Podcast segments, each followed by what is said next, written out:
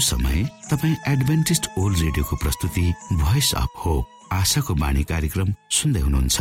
कार्यक्रम प्रस्तुता म रवि यो समय तपाईँको साथमा छु।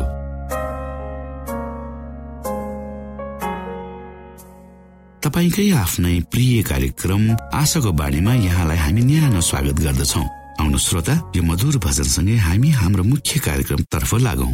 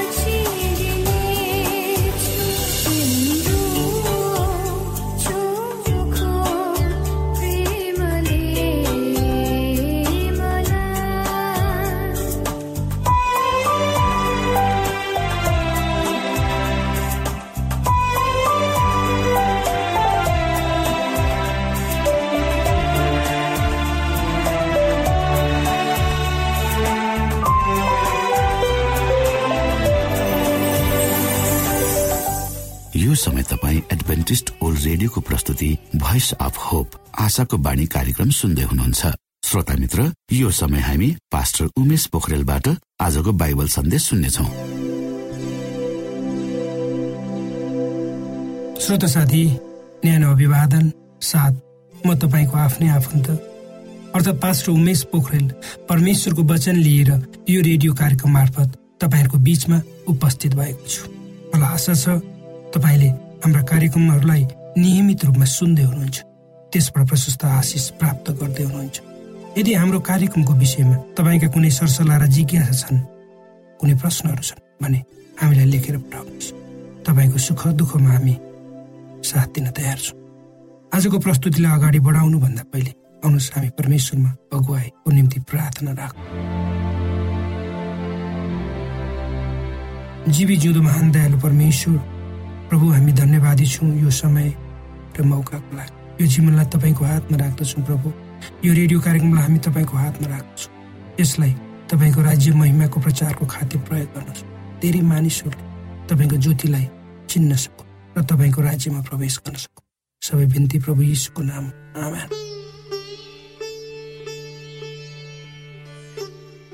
श्रोत साथी विवाह महिला र पुरुष बीचको औपचारिक बन्धन हो भन्दा अनुपयुक्त नहोला यो यस्तो एकमात्र सम्बन्ध हो जसलाई सारा संसारमा व्यवहारिक जीवनमा सम्मान गरिन्छ के तपाईँ कहिले छक्क पर्नु भएको छ सारा संसारमा भिन्न भिन्न समाज सोचाइ बुझाइ संस्कार धर्म संस्कृतिको बावजुद विवाहको प्रक्रिया सारा संसारमा धेरै समानताहरू पाइन्छ उदाहरणको लागि मङ्गोलियामा बस्ने बुद्धिस्ट धर्मावलम्बीहरूको विचारमा विवाह।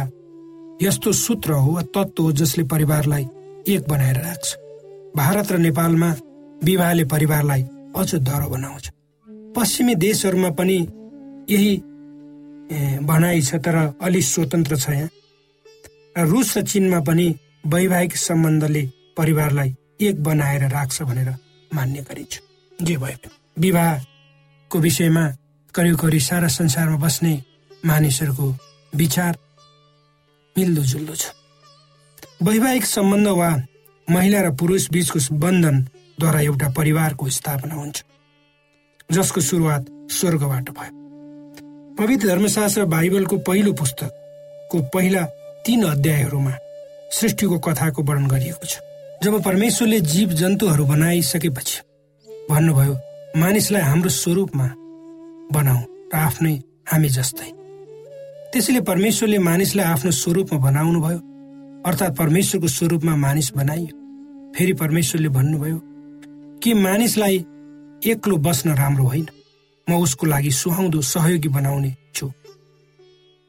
परमेश्वरले महिला र पुरुषलाई यसरी बनाउनु भयो कि एक अर्का बिना उनीहरूको जीवन पूर्ण हुँदैन। अर्थात् लोग्ने मान्छे र श्रीमती। अर्थात् लोग्ने मान्छे र आइमा मान्छेलाई परमेश्वरले यसरी बनाउनु हो ताकि यो संसार चलाउने क्रममा एक अर्काको बिना सम्भव हुँदैन। त्यो हामीले बुझ्नुपर्छ र बुझिरहेका छौँ। विवाहको एउटा मुख्य उद्देश्य भनेको परमेश्वरको सृष्टिलाई निरन्तरता दिनु अर्थात् सन्तान उत्पादन गर्नु पनि हो। परमेश्वरले मानिसलाई गहिरो निन्द्रामा पार्नुभयो। जब ऊ सुतिरहेको थियो उसको एउटा करङ निकाल्नुभयो र परमेश्वरले महिला वा स्त्री बनाउनु भयो र मानिसको अगाडि ल्याउनु भयो। जब आदम निन्द्राबाट बिउजे उनले आफ्नो जीवन साथी देखे र यसो भने यो त मेरै हाडको हाड र मासुको मासु तिनलाई श्री भनिनेछ किनभने तिनी पुरुषबाट निकालिए। र यी पुरुष र महिला बीचको सम्बन्ध यति दह्रो हुनेछ जसलाई पवित्र धर्मशास्त्र बाइबलको उत्पत्ति भन्ने पुस्तकको दुई अध्यायको चौबिस पदलेमा यसरी लेखिएको छ। यसै कारण मानिसले आफ्ना आमा बुबालाई छोड्छ र आफ्नै स्वास्नीसँग मिलिरहन्छ र तिनीहरू एउटै शरीर हुन्छ यो पहिलो विवाह उत्सव थियो जसलाई परमेश्वरले आशिष दिनुभयो। र यही नै आजको विवाहको उत्कृष्ट नमुना हो र हुनुपर्छ। स्पष्ट रूपमा भन्दा लोग्ने मानिस आइमाईको बीचको वैवाहिक सम्बन्ध मानिसको लागि परमेश्वरको योजनाको एक भाग हो। श्रोता साथी दुर्भाग्यवश जब मानिसहरूले परमेश्वरको निर्देशित श्रोता साथी दुर्भाग्यवश जब मानिसहरूले परमेश्वरको निर्देशित सिद्धान्त वा विवाहको नमुनालाई आफ्नो इच्छा र स्वार्थमा परिवर्तन गरे त्यसको परिणामले मानिसहरूको वैवाहिक सम्बन्धमा ठुलो खाडल परेको हामीले देखेका छौँ। र सायद आफ्नैले आफैले पनि अनुभव गर्दैछौँ। परमेश्वरले आदमलाई एउटी मात्र श्रीमती दिनुभयो तर मानिसहरूले छिट्टै अरू श्रीमतीहरू भित्राए र श्रीमती श्रीमती बीचमा झै झगडा हुन थाल्यो। एक अर्कोसँग नमिल्ने भए। तिनीहरूका सन्तानहरू एक आपसमा नमिल्ने भए र आफन्त आफन्त बीचको असमझदारीको कारणले मानिसले वैवाहिक सम्बन्धबाट प्राप्त गर्नुपर्ने खुसी र आनन्द गुमायो। त्यसको परिणाम कतिपय परिवारहरू आज टुक्रिए सन्तानहरूले उचित हेरचाह पाएनन् र श्रीमान श्रीमती बीच सम्बन्ध विच्छेदको संख्या द्रुततर गतिमा बढ्दै गयो र गइरहेको छ। यो तपाईँ हाम्रो समाज घर परिवारमा पनि घट्दैछ। प्रभु येसुले पवित्र धर्मशास्त्र बाइबलको मर्कुस दश अध्यायको छदेखि नौ पदमा वैवाहिक सम्बन्धको विषयमा यसो भन्नुहुन्छ। तर सृष्टिको आरम्भदेखि परमेश्वरले तिनीहरूलाई नर र नारी गरी बनाउनु भयो। यसै कारण मानिस आफ्ना बाबु आमालाई छोड्छ आफ्नै स्वास्नीसँग मिलिरहन्छ। र ती दुई दुईजना एउटै शरीर हुनेछ तिनीहरू फेरि दुई होइनन् तर एउटै शरीर हुन्छ। यसकारण परमेश्वरले जसलाई एकसाथ चुन्नु भएको छ मानिसले नछुट्याओस्। मोसाले मानिसहरूलाई सम्बन्ध विच्छेद गर्ने प्रमाण लेख्ने अनुमति दिए। र यसुले जवाब दिनुभयो तिम्रा हृदयहरूका हृदयहरू कडा भएका हुनाले मोसाले यो नियम लेखे।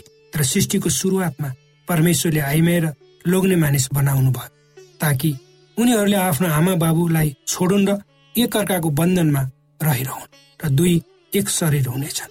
उनीहरू दुई शरीर होइनन् एक हुनेछन्। श्रोत साथी विवाह बाइबलीय र धार्मिक संस्था हो र हामीले विवाहको पवित्रतालाई संरक्षण गर्नुपर्छ। किनकि यो एउटा पवित्र बन्धन हो। परमेश्वरले भन्नुभयो मानिस एक्लो रहन असल छैन। र परमेश्वरले मानिसलाई प्रेमले भरिएको हृदय सहित बनाउनु हो। किनकि प्रेम शून्यतामा हुँदैन। यदि सत्य प्रेम अनुभव गरिनुपर्छ भने त्यसलाई बाँड्नुपर्छ। यही कुरा बुझेर परमेश्वरले स्त्रीको सृष्टि गर्नु हो ताकि उनी आफ्नो पुरुषको नजिक उभिउन् र उनको लागि सहयोगी बनुन्। अर्थात् उनले आफ्नो पतिलाई उच्च सम्मानित स्थानमा पुर्याउन मद्दत गर्न सक् परमेश्वरले आदम र हवालाई उहाँको सृष्टिलाई हेरचाह गर्ने अधिकार दिनुभयो। त्यसैले उहाँले भन्नुभयो फल्दै फुल्दै पृथ्वीमा भरिँदै जाओ र अधिकार गर्दै अधिकार गर। कुनै पनि आमा बाबुबाट आउने सन्तान परमेश्वरले बनाउनु भएको योजना अनुसार यो संसारमा आउँछ। उसको बाबुलाई शारीरिक एवं मानसिक रूपमा आफ्नो परिवारको हेरचाह गर्ने वा संरक्षण गर्ने जिम्मा दिएको हुन्छ। आमासँग विशेष खुबीहरू हुन्छ। आफ्नो नानीहरूलाई उचित शिक्षा दीक्षा हेरचाह गर्ने उनीहरूलाई प्रेम गर्ने बाँड्ने परिवारलाई उचित रूपमा चलाउने हो भने हामीले पवित्र धर्मशास्त्र बाइबलको नमुनालाई स्वीकार गर्नुपर्छ। एउटा सन्तुलित वैवाहिक जीवनले एउटा परिवार मात्र होइन त्यसबाट समाजले पनि फाइदा पुर्याउन सक्छ। श्रोता साथी दुर्भाग्यवश हामी आफैलाई मात्र सोच्ने आफैमा मात्र केन्द्रित हुने संसारमा बाँचिरहेका छौँ जहाँ धेरै मानिसहरू एकअर्काको अर्का बीचको सम्बन्धमा प्रतिबद्धता बिना गाँसिएका हुन्छन् जसले वैवाहिक सम्बन्धलाई सुमधुर बनाउँदैन। हामी देख्छौँ कयौँ परिवारहरू कलहमा बाँचेका सामाजिक र आर्थिक रूपमा खस्केका सम्बन्ध विशेष जस्ता कुराहरूले प्रश्रय पाएका। विवाह हाम्रो लागि एउटा नभई नहुने कुरा हो र यो पवित्र धर्मशास्त्रको आधारमा छ। यो श्रीमान र श्रीमती बीचको एकता हो। विवाहको विवाहका विषयमा विभिन्न नियम कानुनहरूलाई हरू बनाइन्छन्। र त्यसको निम्ति प्रत्येक देशका सरकारहरू पनि लागेका हुन्छन् ताकि वैवाहिक बन्धन सजिलै नटुटोस्। तर यो एउटा नितान्त व्यक्तिगत सम्बन्ध समर्पणता र प्रेमको कुरा हो। जबसम्म प्रत्येक विवाहित महिला वा पुरुषले वैवाहिक सम्बन्धको गहिरो मर्मलाई परमेश्वरसँग मिलेर हेर्न सक्दैनन् तबसम्म हाम्रो समाज घर परिवारले वैवाहिक सम्बन्ध र पारिवारिक सम्बन्धको मिठो अनुभव आफ्नो जीवनमा गर्न सक्दैन। परमेश्वरले यी वचनहरू बुझ्नको लागि। तपाईँ हामीलाई आशिष दिनुहोस्।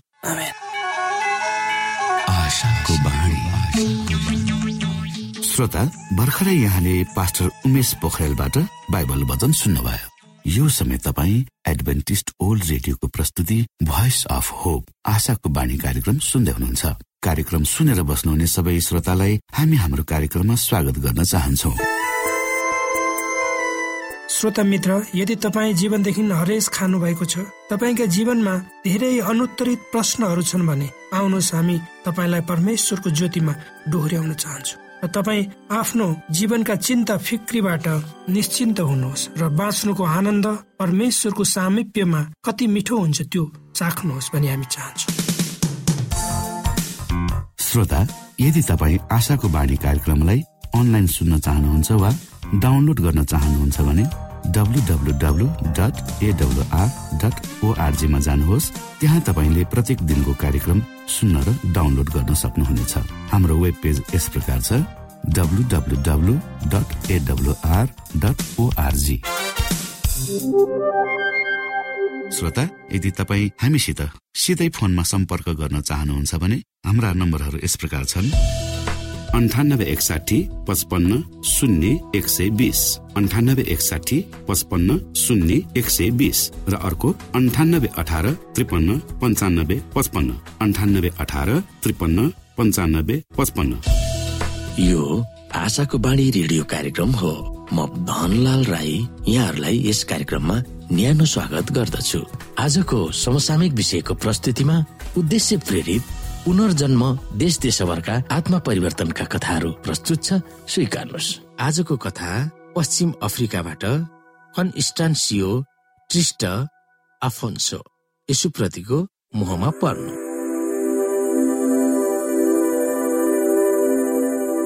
कन्स्टान्सियोलाई रक्सी पिउन असाध्यै मन पर्थ्यो। रक्सी पिएपछि आफू कहाँ छु के गरिरहेको छु सो कुरा उसलाई थाहा नै हुँदैन थियो। साँच्चै भनौँ भने रक्सी उसको निम्ति स्वामी भगवान सब थोक थियो र यथार्थमा ऊ रक्सीको दास थियो। तर एक दिन रक्सीको सुरमा लरबरिँदै आफ्नो कोठाको बाहिर आउँदा कोठाका आँगनबाट सात फुट वा दुई मिटर तल खसेर उसको टाउको बजारियो। त्यस घटनाले उसलाई आँखा खुलाएर सधैँको निम्ति रक्सी खान छोडेर यसुलाई आफ्नो मुक्तिदाता भनेर सदाको निम्ति स्वीकार गर्न थाल्यो।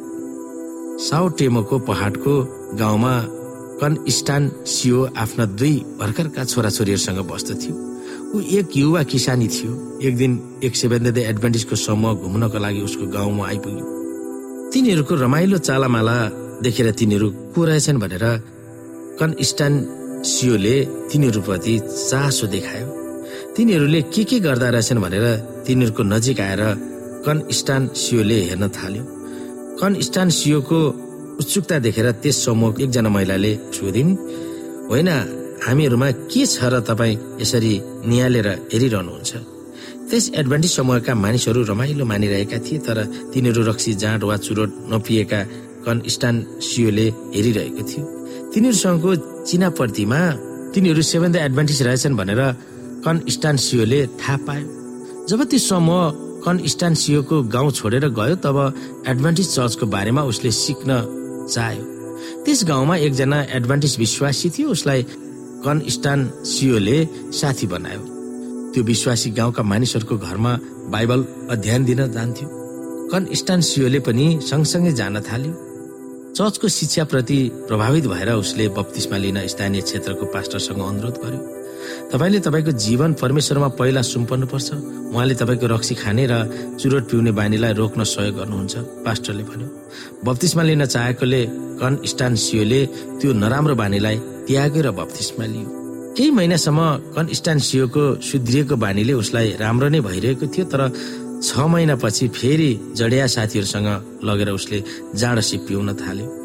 उसको श्रीमती उदेखि रिसले चुरमुरिन थालिन् उनले बत्तिसमा नलिए तापनि उनको श्रीमान नयाँ हुन गएकोमा उनलाई खुसी भइरहेको थियो।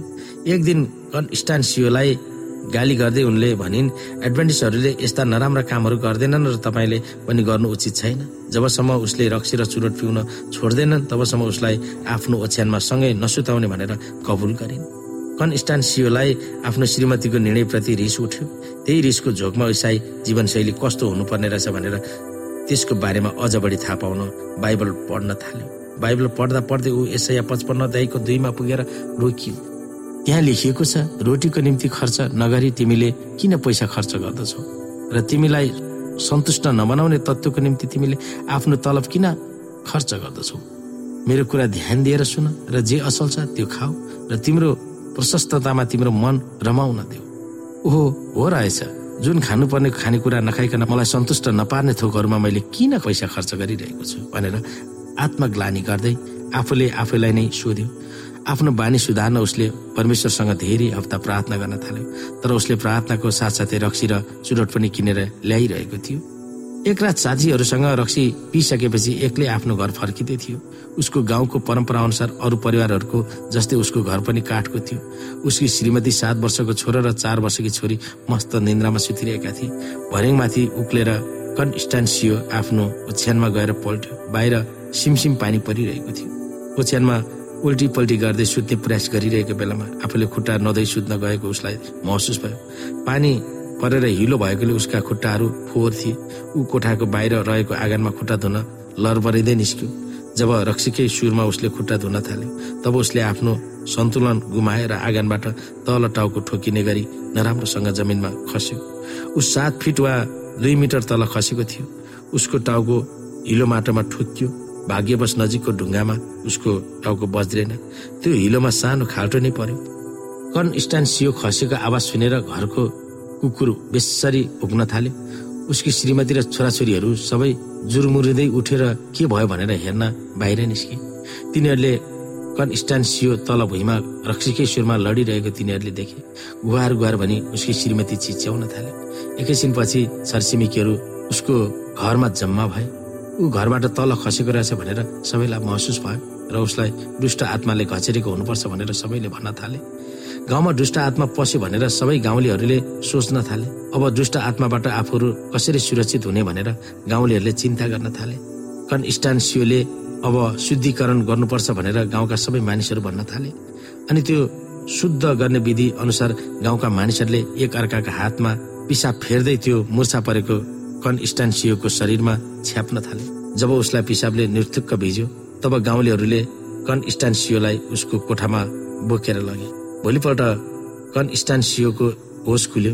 धेरै साथीहरू उसलाई भेट्न आए र तिनीहरूले बाहिर रक्सी खान जाउँ भनेर कर गरे। आफ्नो चोट लागेको टाउको समात्दै उसले जवाब दियो अब भयो। अबदेखि म कहिले पनि रक्सी चुरोट पिउँदिन। त्यहाँदेखि उसले ती कुलतहरू सदाको निम्ति हटाए। रक्सी खाने र चुरोट पिउने चाहना मबाट सदाकै निम्ति हट्यो। यो मेरो प्रार्थनाको जवाब थियो। उसको गाउँको एडभान्टेज चर्चको बारेमा अन्तर्वार्ता दिने क्रममा कन्स्टान्सियोले भन्यो त्यो चर्चमा कन्स्टान्सियो अहिले सक्रिय एल्डर भएको छ। आज त्यो गाउँमा दुई सय मानिसहरू बत्तिसमा लिएर एडभान्टेज भएका छन्। कन्स्टान्सियोको घटनाले गर्दा त्यहाँको चर्चमा मानिसहरू खचाखच भरिएका छन्। कन्स्टान्सियोकी श्रीमती छोराछोरीहरू र उसका पहिलाका पाँचजना जडिया साथीहरू पनि उसको कारण प्रभुमा विश्वास गर्न पुगेका छन्। मेरो यो कथा भन्न मलाई असाध्यै मनपर्छ। मेरो जस्तै पहिलाको अवस्था भएकाहरू मेरो गाउँमा धेरै छन् र तिनीहरूलाई चर्चमा आउन लाज लाग्दछ। म तिनीहरूलाई भन्दछु। म पनि तिमीहरू जस्तै थिएँ।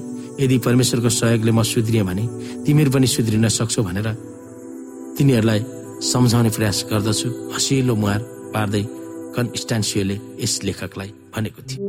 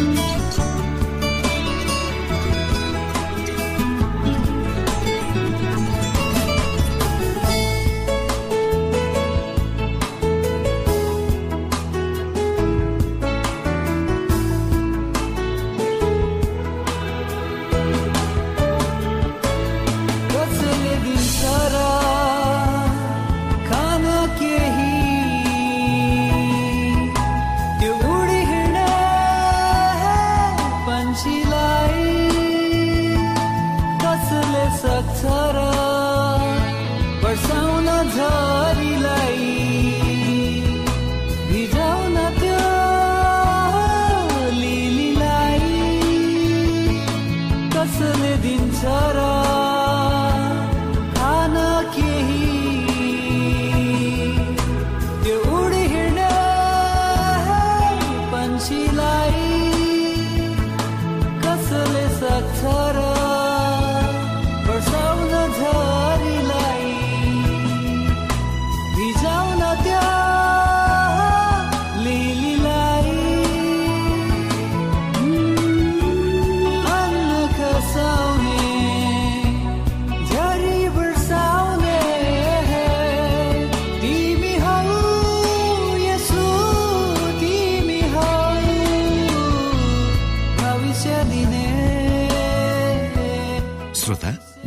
सुईले समय सकिन लागेको संकेत गरिसकेको छ। हाम्रो ठेगानाको बारेमा यहाँलाई जानकारी गरौं। आशाको बाणी पोस्ट बक्स नम्बर दुई शून्य शून्य शून्य दुई काठमाडौँ नेपाल। यसै गरी श्रोता यदि तपाईँ हामीसित सिधै फोनमा सम्पर्क गर्न चाहनुहुन्छ भने हाम्रा नम्बरहरू यस प्रकार छन्। अन्ठानब्बे एकसाठी पचपन्न शून्य एक सय बिस। अन्ठानब्बे एकसाठी पचपन्न शून्य एक सय बिस। र अर्को अन्ठानब्बे अठार त्रिपन्न पन्चानब्बे पचपन्न अन्ठानब्बे अठार त्रिपन्न पन्चानब्बे पचपन्न। हवस् त श्रोता हाम्रो कार्यक्रम सुनिदिनु भएकोमा एकचोटि फेरि यहाँलाई धन्यवाद दिँदै भोलि फेरि यही स्टेशन र यही समयमा भेट्ने बाजा गर्दै प्राविधिक साथी राजेश पास्टर उमेश पोखरेल र कार्यक्रम प्रस्तुता म रवि यहाँसँग विदा माग्दछौ। परमेश्वरले तपाईँलाई धेरै धेरै आशिष दिनु भएको होस्। नमस्कार।